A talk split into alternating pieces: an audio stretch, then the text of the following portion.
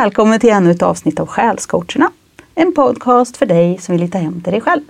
Och vi som gör den här podcasten det är jag, Regine Grundel, och jag jobbar som intuitiv vägledare.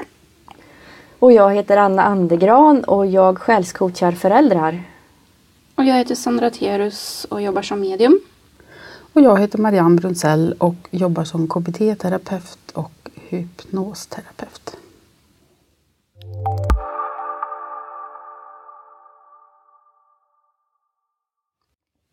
Idag är det dags för ditt avsnitt Marianne. Japp. Och du är KBT-terapeut Mm. och hypnosterapeut Mm. och massa andra spännande saker. Ja, massa och massa. Idag hade vi tänkt att prata om KBT lite speciellt Mm. och eh, psykisk hälsa Mm. och psykisk ohälsa som Mm. du brinner lite extra för. Mm. Har du lust att berätta lite vad du, vad du gör och vad KBT är och lite sånt? Ja, KBT, eh, eh, för det första så kör jag ju liksom inte ren KBT så här bara utan jag blandar ihop lite olika till en egen komposition. Eh, men jag har mycket redskap därifrån. KBT handlar ju om att identifiera sina tankar.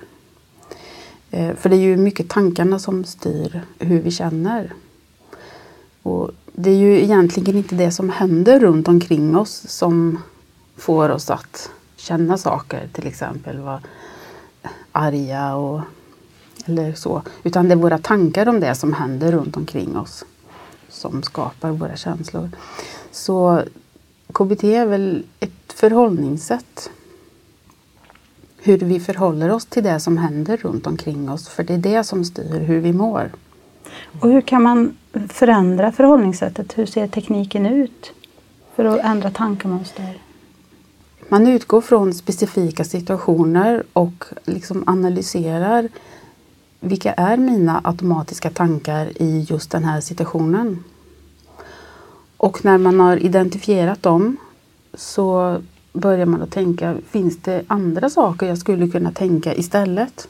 Och då är det väldigt effektivt faktiskt. Det liksom blir, ja just det, man kan ju tänka så här istället. Eh, ganska snabb förändring. Hur lång tid behöver man på sig för att ändra ett tankemönster? Ja, svår fråga. Alltså vi är ju människor. Alltså vi människor vi, vi kör ju mönster. Hela hjärnan är ju full med massa tankemönster, känslomönster, beteendemönster som vi har lärt in under hela vårt liv sedan vi föddes. Liksom. Så det, det är ganska svårt att bryta mönster. Eh, och det är ett arbete, ett aktivt arbete man får lägga ner. Men eh, det går ganska liksom, snabbt att sätta igång med det där och sen är det väl, när man väl har börjat och så, så går det mer och mer av sig själv. Men man får träna aktivt. Så det är inget som man kommer till dig och så har man en timme med dig och sen är alla problem ur världen? Nej, Det är sällan så, det är lite Ja. synd. Man får jobba på det. Mm. ja. Vad för slags problem får man, är KBT effektivt för? Eh, oftast eh, depression faktiskt. För om man är mycket i det förflutna och ältar mycket jobbiga saker som har hänt och, och liksom fastnar i, i dåtiden, då blir man deprimerad. Så KBT är framåtsyftande, kan man säga det? Ja, det är inte så att man struntar i att prata om det som har hänt. Utan man kan behöva liksom ta upp det och prata om det. Men sen kan man, måste man liksom bestämma sig för att släppa det och bestämma att nej, nu tänker inte jag låta det förflutna få påverka mig så mycket mer utan nu vill jag göra nya val så att jag kommer att må bättre Mm. fram igen. Men eh, om vi säger, jag har ju träffat en hel del som verkligen har varit deprimerade och inte kan se någonting framåt. Alltså de, de ser inget ljust och de vet inte liksom hur de ska kunna ta sig ur den här tankemönstret. Att allting är så negativt runt omkring och, och så vidare. Vad, vad är liksom första steget du skulle göra då med en sån person? Eh, det är att eh, försöka att vara i nuet, här och nu och samla in. Eh, för att det som har varit, det finns ju inte längre. mer än i våra tankar och minnen. Då. Framtiden finns inte heller. Så att försöka att forcera fram en ljus framtid kan ju också vara svårt. Utan knepet är att vara här och nu. Att acceptera nuet. Ehm, och veta att det kommer att förändra sig. Så även om jag mår dåligt just nu så vet jag att saker och ting kommer att förändras. Mm. Och just det här att man får ofta rådet att kämpa, kämpa liksom. Men varför ska man göra livet till en kamp? För att det ska bli en kamp så måste det finnas ett motstånd. Och vart är det motståndet? Ja, det finns ju inom mig själv. Jag kämpar emot mina egna känslor och ju mer jag kämpar desto starkare blir känslorna. Liksom. Så det här att ge upp kampen istället, kapitulera och acceptera att okej, okay, nu känner jag så här. Och då kommer de of känslorna oftare att släppa dig istället. För att det är svårt att mota bort dem. Mm. Så klokt. Väldigt klokt och viktigt. Men finns det någonting som, som KBT inte fungerar, som du inte skulle rekommendera att använda KBT för? Alltså, nej. Eh, KBT finns ju inom, kan man, det är ju egentligen inte eh, en ganska smal behandlingsform utan det är ju ett förhållningssätt. Du kan använda KBT inom väldigt många olika områden. Eh, smärtlindring faktiskt eh, är det mycket forskning och så inom nu. Fobier har jag fått för mig att det funkar bra. Alltså att man lär sig ett nytt sätt att handskas med situationer och så. Mm. Ja, det, det, det, handlar ju om att göra nya saker. Om du har provat samma sak tio gånger och det inte hjälper, då är det ingen idé att prova en elfte gång utan då gör jag någonting nytt. Mm. Liksom. Mm. Att uh, utsätta mig för det som jag är rädd för till exempel. I lagom dos va? Ja. jag tänker som, jag, jag och många med mig är ju rädd för ormar. Mm. Och så har jag förstått att KBT är en bra form för att bli av med ormskräck. Mm. Och då ser jag framför mig sista steget i detta. Då ska man typ klappa en orm eller ja. ha den runt halsen och jag bara tänker mm. nej! Mm. Men så funkar med, det ju inte. Nej, man börjar med att ha en bild på en orm och så tittar du på den jättemånga gånger. Till slut så har du tröttat ut det här äh, rädslan. Ja.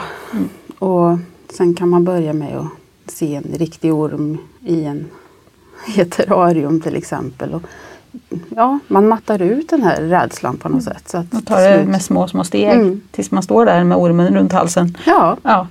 Hua mig. En annan gång kanske. Mm. Ja. Du får ha fobi om du vill. Okej då. ja.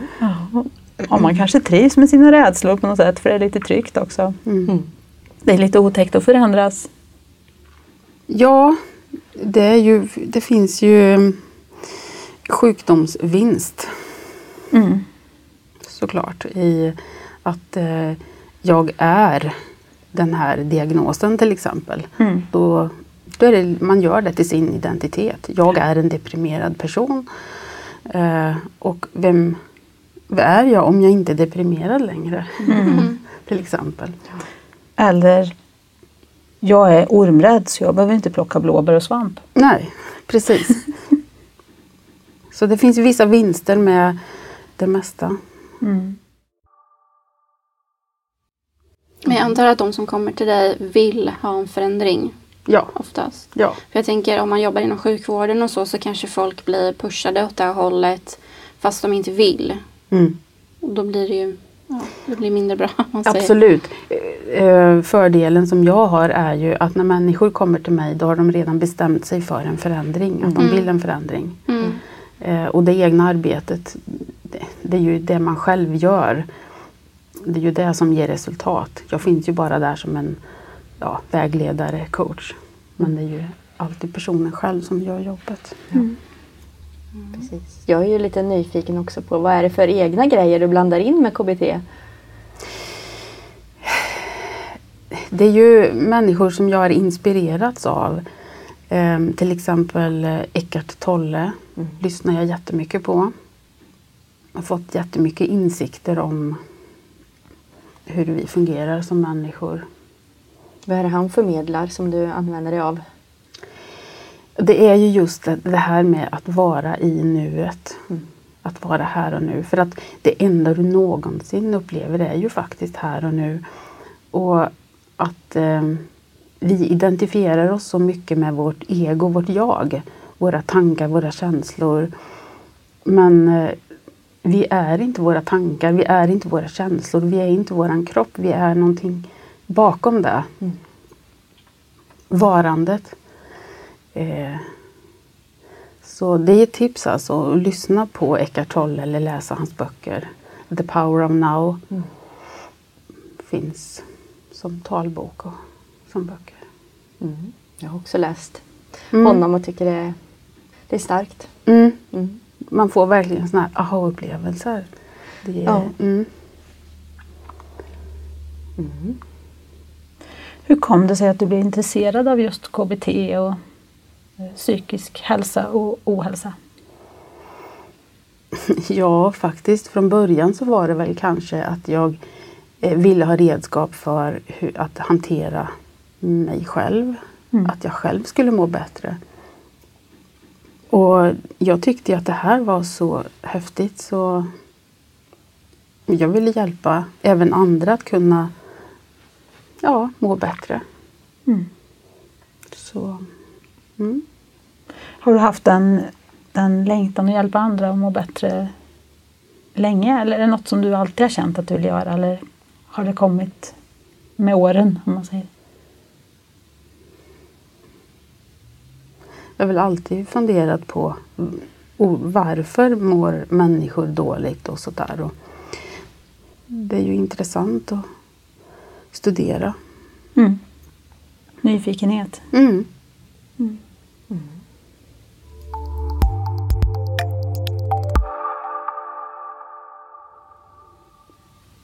Vill du koppla in hypnosen någonting? Alltså hypnos är ju egentligen inte en behandling. Det är ju ett av redskapen man kan använda för att nå lite snabbare förändringar. Men blandar du hypnos och KBT i en egen form? Eller hur gör du? Ja, alltså som sagt var, KBT är ju själva innehållet och hypnosen är ett redskap mm. för att göra de här förändringarna kanske. Men är det så att man kan boka en tid för dig med enbart KBT och enbart hypnos? Absolut. Ja. Det, det kan man göra. Mm. Men eh, ofta så behöver man ju eh, veta vad man kommer för. Liksom. Så man brukar börja med ett samtal där man går igenom vad är det du vill förändra och sådär. Mm. Och så gör man en hypnossession utifrån det. Mm. Då kan du hjälpa till att bedöma kanske då om man behöver det. Alltså om jag kommer med ett problem, alltså det här tycker jag är jobbigt i mitt liv, det här vill jag bli bättre på eller vad det nu är. Um, och så behöver jag göra jobbet men du kan hjälpa mig att se vad jag behöver göra kanske då eller hur funkar det? Ja, alltså jag gör ju det som jag blir ombedd att göra. Ja. Eh, och det, och det, alltså det här undermedvetna eller omedvetna, det vet vi ju inte så mycket om men eh, vi styrs ju väldigt mycket därifrån. Mm. Och det är ju det här tillståndet när man är i trans eller ja, mittemellan sömn och vakenhet. Där är man ju väldigt mottaglig för suggestioner. Mm. Eh, och det är där jag, man utnyttjar då i det här förändringsarbetet. Det finns ju en del fördomar om hypnos. Att om man blir hypnotiserad så tappar man all kontroll och gör konstiga saker inför andra och sådär. Ja. Hur skulle du vilja ja, förklara det, hypnos? Alltså, hypnos är väldigt, väldigt odramatiskt. Eh, på film och, och böcker och sådär så framställs det ju som väldigt dramatiskt och att man kan styra och ställa och så. Men eh, det stämmer ju inte alls. Det, det är inte så att jag kan styra någon. Så vad är hypnos egentligen? Ordet hypnos betyder helt enkelt bara sömn. Det är ett tillstånd mellan sömn och vakenhet. Eh, när vi är fullt vakna så här och aktiva så har hjärnan eh, elektromagnetiska vågor som kallas då betavågor. När vi går ner i trans så går vågorna ner till alfavågor. Och det är där vi är när vi är till exempel håller på att somna på kvällen, vi är mitt emellan sömn och vakenhet. Men även under dagen när vi är liksom djupt fokuserade på en, ja, någon krävande uppgift eller sådär. Vi är så fokuserade så vi hör inte om andra pratar runt omkring eller så. Då är vi i det här transtillståndet. När vi tappar tiden till exempel? Ja, vi tappar det som är runt omkring. Vi är fokuserade på en sak. Och när man fokuserar på en sak så blir vi enormt, eh, det blir väldigt kraftfullt. Och det är då vi har lättare att ta in nya tankemönster i form av suggestioner? ja, och jag förändrar ju bara det som personen i fråga vill förändra. Om jag skulle börja komma med mina, mina egna grejer då skulle de säga liksom nej, nej, nej. nej. Mm. Så man har kontroll man fortfarande? Har kontroll. Mm. Mm. Det tror jag är viktigt för folk att förstå. Mm. För det är nog många som tänker att man liksom är helt i någon annans att man är helt i någon annans våld Mm. Nej, när nej. man blir hypnotiserad. Ja, nej. Men jag vet, du har ju testat det där på mig.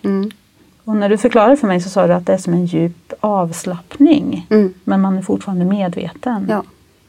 Och när du gick din utbildning, då testade du det på mig. Ja, Och det var jättehäftigt. okej. Mm. För först så blev jag ju helt... Du vägledde ju mig ner i en, ett djupt avslappnat tillstånd. Mm. Och sen kommer jag inte riktigt ihåg vad du sa, men jag kommer ihåg min upplevelse. Mm. Och det var att jag bara expanderade och blev större och större. Och det var som att jag inte hade någon kropp längre. Jag Mm. bara var ett med allt kändes det nästan som. Nästan en sån här andlig upplevelse var det. Och så hade det gått två sekunder och sen så säger du, ja nu är det dags att komma tillbaks. Och jag bara, nej, jag vill inte. jag vill inte, jag vill vara kvar här. Och då hade det gått 40 minuter eller någonting. Mm. Och det tyckte jag det var en så häftig upplevelse. Mm. Lite egots upplösning. Ja, men det var lite där, man blev, man blev så mycket mer än bara en Mm. liten människa med en kropp. Ja, det är ju häftigt och det är väldigt individuellt hur man upplever det här. Ja och då var det ju inte något speciellt syfte. Då Nej. tränade vi ju bara Mm. och så, så gjorde då en övning på mig. Det var ju Mm. inte, det var inte så att jag kom och sa så här, ja jag vill bli av med mitt sockerberoende eller så Mm. den gången. Så att det var ju bara lite fritt. Mm. Men eh, häftigt var det. Mm. Ja, nej man har ju kunnat eh, se faktiskt eh, att eh, de flesta av våra handlingar initieras i någonstans i vårt omedvetna undermedvetna en stund innan vi utför den här handlingen. Då. Så ja, fri vilja och att jag bestämmer själv. Men vi, vi kör mönster, så är det faktiskt. Och det är svårt att bryta dem. Men under hypnos så kan man komma åt det här lite mer. Det går lite snabbare. Mm. Och du har ju jobbat med hypnos och KBT ganska länge nu. Hur länge har du hållit på? Ja, det är några år. Sådär. Men jag har haft det som en bisyssla så jag har inte sysslat med det på heltid. Då.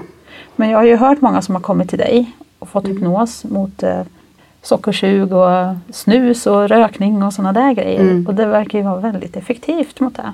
Mm. Har du fått några kundresponser själv? Alltså det är ju inte så ofta som någon ringer tillbaka och säger Hej du, vad bra det var. det är så här att man går ju, det är inte, det, liksom, om jag går och, och klipper mig och sådär så ringer ju inte jag till frisören sen och säger Åh du tack jag fick bli jättefin i håret. Man gör ju, ger ju sällan respons och sådär. Mm. Och det är lite jobbigt för att eh, man vill på något sätt ha respons. Undra om hur det gick och gick det bra och sådär. Men man får ju lita på att klienten fick det den behövde just då. Mm. Ja, det är mycket tillit i det där. Mm. Att göra sin grej och sen släppa. Mm. Och så bara lita på att det blev som det skulle. Mm. För det är inte alltid rätt heller att kanske liksom trolla bort någons problem. För att det, den problemet kanske finns där för att personen i fråga ska lära sig någonting. Ehm, så Det är liksom inget trolleri så här, att så någon quick fix utan det är när du är redo. Mm. Då dyker läraren upp. Mm. Vem det nu är som ska dyka Mm. upp. Och det kanske är så att man får ta nästa steg. Mm. Mm. Det är ju så, man kan bara göra sin resa själv. Ibland önskar man att man kan gå till någon och så bara hokus pokus. Ja. Ja, nu är du precis. klar! Ja, så, man kan ju bara kliva ifrån där man är i alla fall. Men det är väldigt bra att få draghjälp ibland. Mm. Nej, Men när det känns som man sitter fast Mm. så är det mycket värt. Mm. Det finns sådana som du.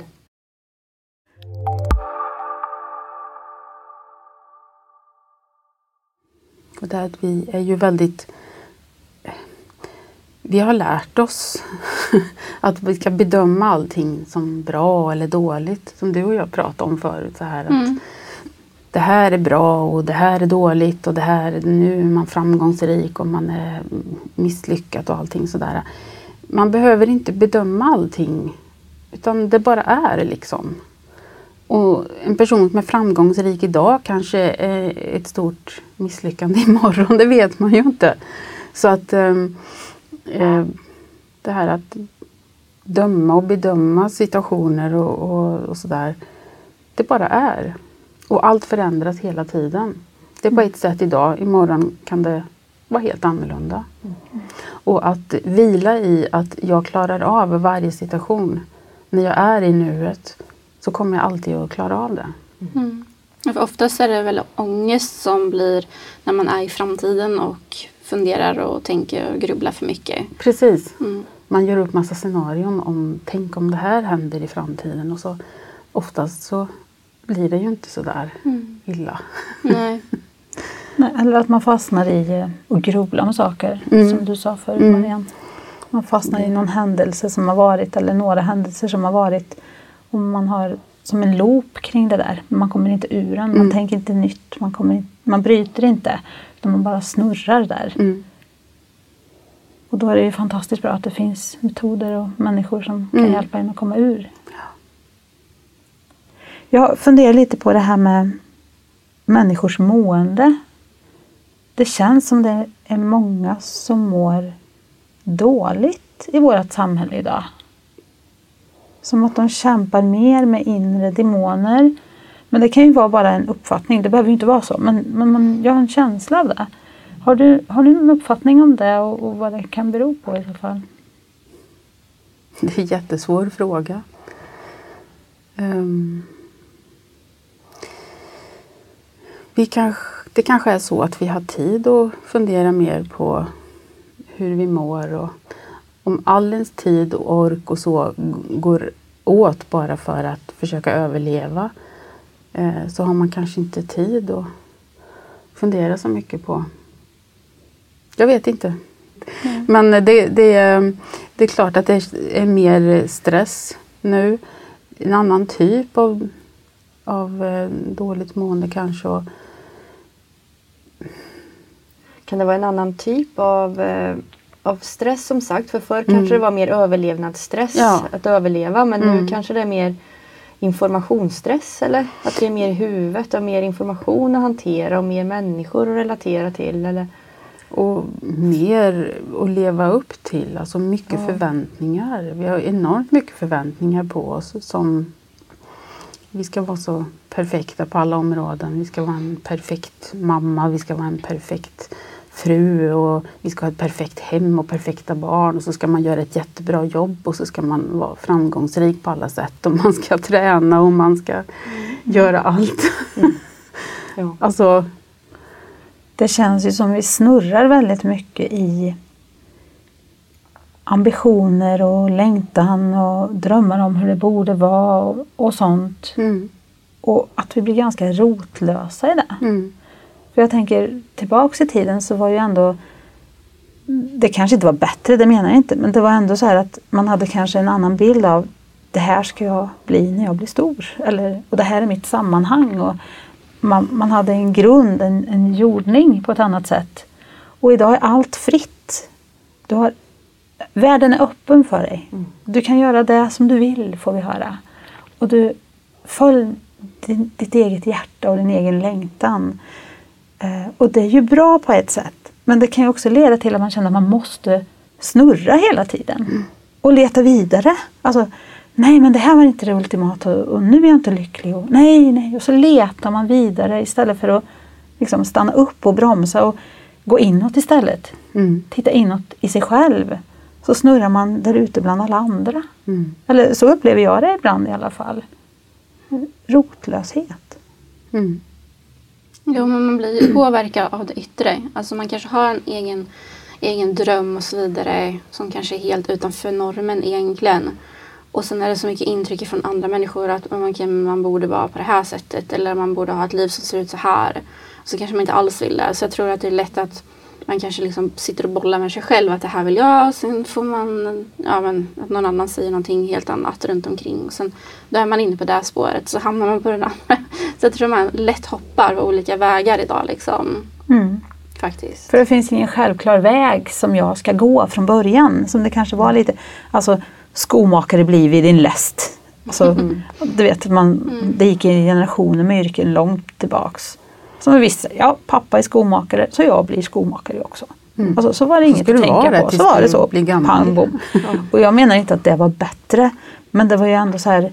Eh, man behöver ju inte söka efter sin plats i livet på samma sätt som vi har möjlighet att göra idag. Mm. Och om vi då inte är förankrade och trygga oss själva när vi söker vår plats i livet så tror jag det kan bli lite spinn. Mm. Snurr. Ja, för viktigast tror jag är från grund botten att veta vem man är som person. Alltså vem är jag? Och utgå ifrån det liksom. Mm. För att kunna våga mm. gå sin väg sen. Mm. Så jag tror att många har svårt att hitta vem, vem är jag? Alltså från första början. Det tror jag kommer väldigt sent upp i åldrarna nu för tiden. Jag uppfattar jag i alla fall. Vi har så mycket intryck också, så mycket som drar i vår uppmärksamhet åt alla håll och kanter. Mm. Alltså så man kanske inte ens tänker på att man behöver ensamtid och vara med sig själv för att lära känna sig själv utan man kanske är där ute hela tiden och umgås och Facebook och nya upplevelser. Och mm. Man kanske inte grundar sig i sig själv på samma sätt. Sen undrar jag om det inte pågår någonting i alla fall eh, lite generellt att någonting i oss, i vårt innersta vaknar ja. och kallar på oss mm. och, och drar oss. Så vi kan inte längre gå omkring och vara i våran begränsade upplevelse, identitet som person. Nej. Utan vi behöver vakna till att vi är mer än så. Och det där kallas starkare och starkare i fler och fler tror jag. Ja. Och att det där gör också oss stressade fast vi ibland inte riktigt förstår vad som händer eller vad det är som kallar. Mm. Hur känner du med det? Absolut. Det är, det är en typ av uppvaknande som sker och det blir ett större och större intresse för um, ja, att verkligen ta reda på vem är jag? Mm ett större andligt intresse. Mm. Absolut. Hur kan man använda KPT och hypnos på den vägen för att hitta sig själv och sitt syfte och sin, sin storhet? Det är en intressant fråga. Det är ju det. Mm. Mm. För jag tror att det är många som inte vet vem de är. Liksom. Mm. För det har jag ju träffat några som de vet inte vad de vill. Vad, men, vad är det som du känner att du vill? Nej, jag vet inte. Är det mm, många som säger. Mm. Mm. Okay. Men då, då, känns, då känns det som att det är lite så identitets... Ja, det spricker lite där om vilken identitet de har. Då kanske man behöver återhitta kontakten med, med sig, sig själv på ett djupare plan. Mm. För man blir ju lätt deprimerad eller får ångest när man inte vet just den mm. frågan. Liksom. Mm. Ja, och så tänker man dels den känslan av att man inte vet vem man är. Den har ju vi alla brottats med i alla tider tror jag. Mm. Man försöker hitta vad skiljer mig från omgivningen. Det är ju liksom en mm. psykologisk utvecklingsprocess. Mm. Men idag är det så mycket som pockar på i det fysiska livet, i det sociala livet och, och, i teknik och allting. Och så kommer den här längtan som du pratar om Anna. Mm. Alltså man känner att det finns något mer, något större. Mm. Jag är något mer än det här på den andra kanske lite småstressade känslan av att det är så mycket omkring hela tiden som man inte hinner med. Mm. Alltså vilken situation! Mm. Och då måste man ju ha hjälp kanske att hämta hem sig mm. och hitta något sätt att, att, grunda sig i sig själv och jorda sig. Och då, då tänker jag att är inte det det som du gör Marianne? Mm. Det är svårt att sätta ord på vad det är man gör faktiskt. Mm. Det, Vad har du för önskan med det du gör? Eller vad har du för... När det kommer en person till dig och, och vill ha din hjälp, vad har du för mål och syfte med den, jo, det själv, mötet? ja, självklart att de ska hitta sina egna redskap. För alla har ju alla vägar och alla svar inom sig själva. Jag ska liksom bara vara en vad ska, katalysator eller någon som ställer rätt fråga eller för att du ska hitta din inre styrka för du har allt inom dig själv. Jag kan inte som sagt var trolla och göra någonting utan jag kan finnas där för att hjälpa dig att peka på och hitta din egen inre styrka. Din egen motivation. För Tro jag- på dig själv. Mm. Jag upplever ju dig som att du kan vara väldigt närvarande och stark i det. Eh, att vara i nuet och allt det här. Och då är ju du det du är. Eh, och då kan du hjälpa mig att vara det också. Du kan hjälpa mig att bli mer här och nu med dig och komma ner ur huvudet och så vidare. Och då är man ju redan där en bra bit på väg och då blir det lättare kanske att hit, använda sådana här redskap av olika slag för att Mm. För jag ska egentligen inte komma med tips och förslag och, och liksom komma med lösningen till dig. Utan eh, ja, den har du faktiskt själv. Och, Men du kanske kan hjälpa till och dra ut det ur mig och, och hjälpa Mm. mig bli medveten om det genom att eh, ge mig draghjälp att vara här och nu. Mm. Ja, det, det var bra sagt. Ja, tack. Ja, för man smittar ju då på Ja, något sätt. Om, om man träffar en person som är väldigt centrerad och, och hemma hos sig själv. Mm. Det är ju som att man automatiskt blir mer så själv också. Mm. Så att energin smittar. Mm. Och det är som sagt var svårt att sätta ord på det. Vi pratade om det i bilen du och jag Sandra eh, förut. Det här, vad är det för, vad är det Eckart Tolle har för budskap? Mm. Mm. Och när man ska försöka att sätta ord på och förklara då tappar man det. För att det där eh, essensen kan man inte förklara i ord. För då helt plötsligt så blir det något, plockar man ner det till någonting som det inte är. Det bara är. Han är ju väldigt djup. Och när man sitter och läser och allting så här är helt solklart. Och sen när man ska försöka förklara det till någon annan och bara Mm. "Eh, nej. Nej, det är ingen idé att försöka ens en gång. Nej precis, man ska försöka sätta ord på det som inte går att sätta ord på. Nej. Det som bara är, Ja. varandet. Och när vi är i varandet så då har vi inre frid. Faktiskt. Då släpper vi liksom tankar. Tankar är ju bara elektriska impulser i hjärnan. Men när vi låter dem styra oss eh, så ja, då tappar vi ju liksom kontrollen faktiskt. Hjärnan ska ju vara ett redskap, inte någon som styr oss. Man kan egentligen bara vägleda andra till att hitta den upplevelsen i sig själv men man kan egentligen inte förklara eller förstå den upplevelsen egentligen. Man kan bara Nej, för uppleva det, den. för det går inte att sätta ord på den. Nej, det är min upplevelse också.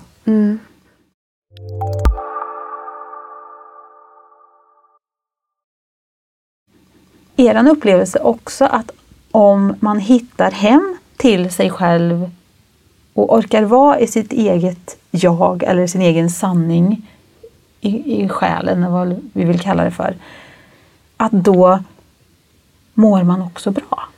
Mm. Ja, det finns inga problem direkt då. Upplever jag. Nej. Alltså det, det finns faktiskt inte där. Nej. Det är ju sen när, när samhället och verkligheten smackar till en igen. Då, Ja.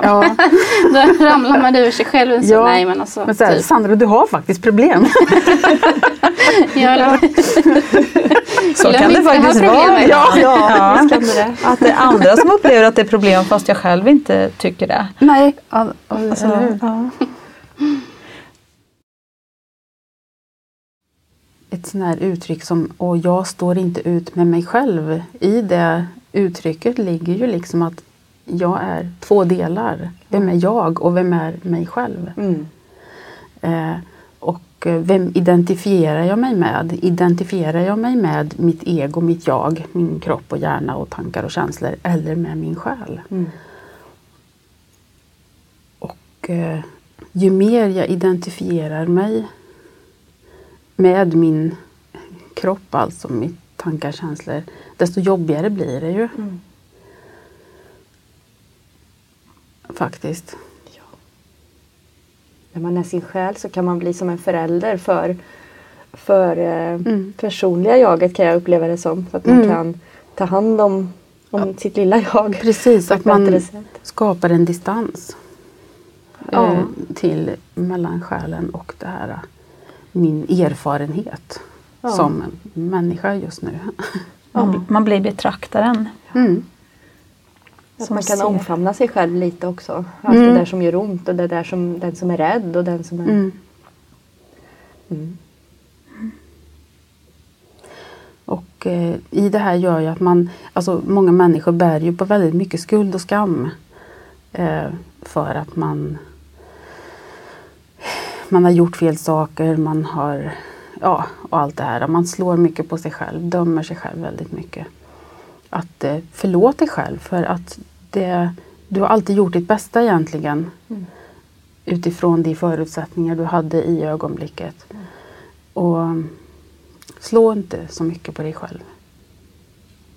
Fast det gör vi ju ändå. Men, Men jag tänker, är inte, är inte det ett jättebra eh, KBT är väl ett jättebra verktyg just för att hjälpa en att ändra sådana tankemönster också om sig Absolut. själv. Mm. Vad man har för, Mm. för det inre dialog. Mm. För den inre dialogen, det är den som skapar vår verklighet egentligen. Ja. Och våra tankar är ju det här som är ju som en röst inne i huvudet hela tiden. Och eh, när man liksom kommer på det att jag är inte den där rösten i huvudet. Och jag kan göra om det Mm. rösten säger. Så att det blir trevligt att umgås med rösten. Mm. Ja. Så att den peppar mig och stärker Mm. mig istället Ja. för att bara Och tala där om. är, ju, ja, där är ju faktiskt hypnos ett bra redskap för att då kan jag liksom programmera in lite positivare tankar. Mm. För de sitter ju ganska fast. där. Så kan KBT och hypnos också hjälpa ändå att, eh, att identifiera sig mer med själen Mm, och hitta den distansen. absolut. Ja. Om, om jag ska försöka hålla isär de här nu bara så jag ska förstå. Mm. Så känns det som hypnos, det handlar om eh, att programmera nya tankar i ett avslappnat tillstånd så att de får bättre fäste. Ja, hypnos är egentligen bara ett tillstånd och sen vad du gör under det där tillståndet, det, ja, Okej? Och KBT känns lite mer som learning by doing för mig. Mm. Alltså att man, man repeterar något tills det sitter. mm. Eller ja det kan man säga. Mm. För, för mig hypnos så upplever jag det lite som att man sår ett frö lite på mer på djupet. Kan man Mm. tolka det Man så? startar en process, en förändringsprocess. Eh, och Ja, det är svårt att sätta ord på det också faktiskt för att det är inte riktigt man ser inte riktigt vad det är som händer faktiskt. Um, Men det är ju väldigt intressant för de är ju egentligen ganska lika. Fast eh, de är väldigt olika. Hypnos och KBT. ja, alltså, det, det är fortfarande är hypnos bara ett redskap. Um, det är bara ett avslappnat tillstånd. Sen om jag använder KBT för att, under det här avslappnade tillståndet för att göra förändringar Mm. så för det här tillståndet i sig innebär ju ingen förändring. Det är skönt att vara avslappnad. Eh, Men det är vad du gör under tiden som är själva förändringen. Då. Brukar du använda både och? Att du hypnotiserar och sen använder KBT samtidigt? Ja, det är ju det som är meningen. Det är det som är för det, din Ja, egen det, det är det. För, att det, för det är liksom Det är ju jättetrevligt att bara få ner någon i avslappning. Men jag måste ju göra någonting under tiden och det är ju det personen har beställt. Till exempel. Mm. Ehm, Så att du har eh, egentligen hittat ditt eget sätt att blanda hypnos och KBT. Som du är ensam om att göra eller? Nej, det, det, det är fler som gör det så. Men det låter ju väldigt vä- viktigt. Liksom, för man, då kommer man ju under det medvetna eh, ner till mer eh, på djupare plan så att de här förändringarna kan bli mer eh, genomgripande än vad de kanske blir om man stannar kvar i huvudet. Mm. Ja. Har ni några mer frågor som ni har tänkt att ni vill ställa till Marianne? Nej. Har du något mer som du tycker vi har glömt att prata om? Förutom att du ska få berätta vart man hittar dig förstås. Ja. Är det något vi har missat i... ja, det finns ju jättemycket att prata om här så att man kan ju inte prata om allt men eh, eh, det skulle vilja liksom eh, poängtera då det är ju det här liksom ett förhållningssätt att det finns bara tre sätt egentligen att förhålla sig till en situation. Vi tar till exempel ett jobb. Eh, det bästa är ju att man älskar sitt jobb. Att man verkligen trivs och, och sådär. Och det här är liksom, mm. Kan man inte det, då finns det ett annat sätt och det är att acceptera. Det här jobbet är okej. Jag går dit och det är okej. Jag har bra kollegor och jag får min lön och sådär. Det är helt okej. Okay. Jag accepterar det. Och så finns det då en tredje och det är att jag tycker inte om mitt jobb. Jag mår inte bra där. Jag, jag, ja. Och då måste man ju planera för en förändring. Eh, För stannar man kvar i en situation eh, som inte får en att må bra, då gör man ju illa mot sig själv. Och då måste jag acceptera fram tills förändringen är gjord. Då. Men det är liksom antingen älskar jag det eller så accepterar jag det eller så planerar jag en förändring. Det finns liksom inga andra. Mm. Mm. Och menar du att man alltid omedvetet planerar en förändring även om man inte inser det? Om man inte trivs på ett jobb till exempel? Nej, man kanske tror att det är mig det är fel på och så kämpar man och, tills man stångar sig blodig. Liksom, att det är jag som måste förändra mig eh, så att jag ska trivas bättre på det här jobbet. Då, om vi tar det som exempel. Eller att man tror att man inte har något val? Mm, så kan det vara, att man är rädd. Mm. Jag tror det, är det största hindret för att vi ska leva ett bra liv, det är våra rädslor. Mm. Släpp rädslor. Ja. Om det är inbillade rädslor som hindrar en Mm. så håller jag med. Ja. Jag tror viss rädsla kan vara bra också i vissa lägen. För den kan skydda oss. Ja. Ja, men vågar man inte förändring så kan man ju bli tvingad till förändring till slut. Och det Mm. kan ju bli en tuffare väg att gå. ja, Så det kan precis. ju vara bättre att ta tag i det Att göra valet själv ja, Ja. än att man blir... i väggen eller något. Mm. Mm. Och det är ju också vanligt idag. Mm. Det är tur att det finns människor som hjälper andra att lyssna på sig själva Ja. och hitta nya vägar. Mm. Ja. Så om någon vill ta hjälp av dig då Marianne, vart hittar man dig? ja, jag har en eh, hemsida då som heter kbtbergslagen.se och där finns mina kontaktuppgifter. Mm. Har du Facebook också? Jag har det men jag är inte aktiv där så jag, jag, jag ska börja kanske vara lite mer aktiv där. Men eh, hemsidan är bäst. Okej. Det finns. kbtbergslagen.se Ja. mm. Vad bra. Tack så mycket, det var väldigt intressant. Tack. Mycket intressant. Ja. Då säger vi så. Hej då! Hej då!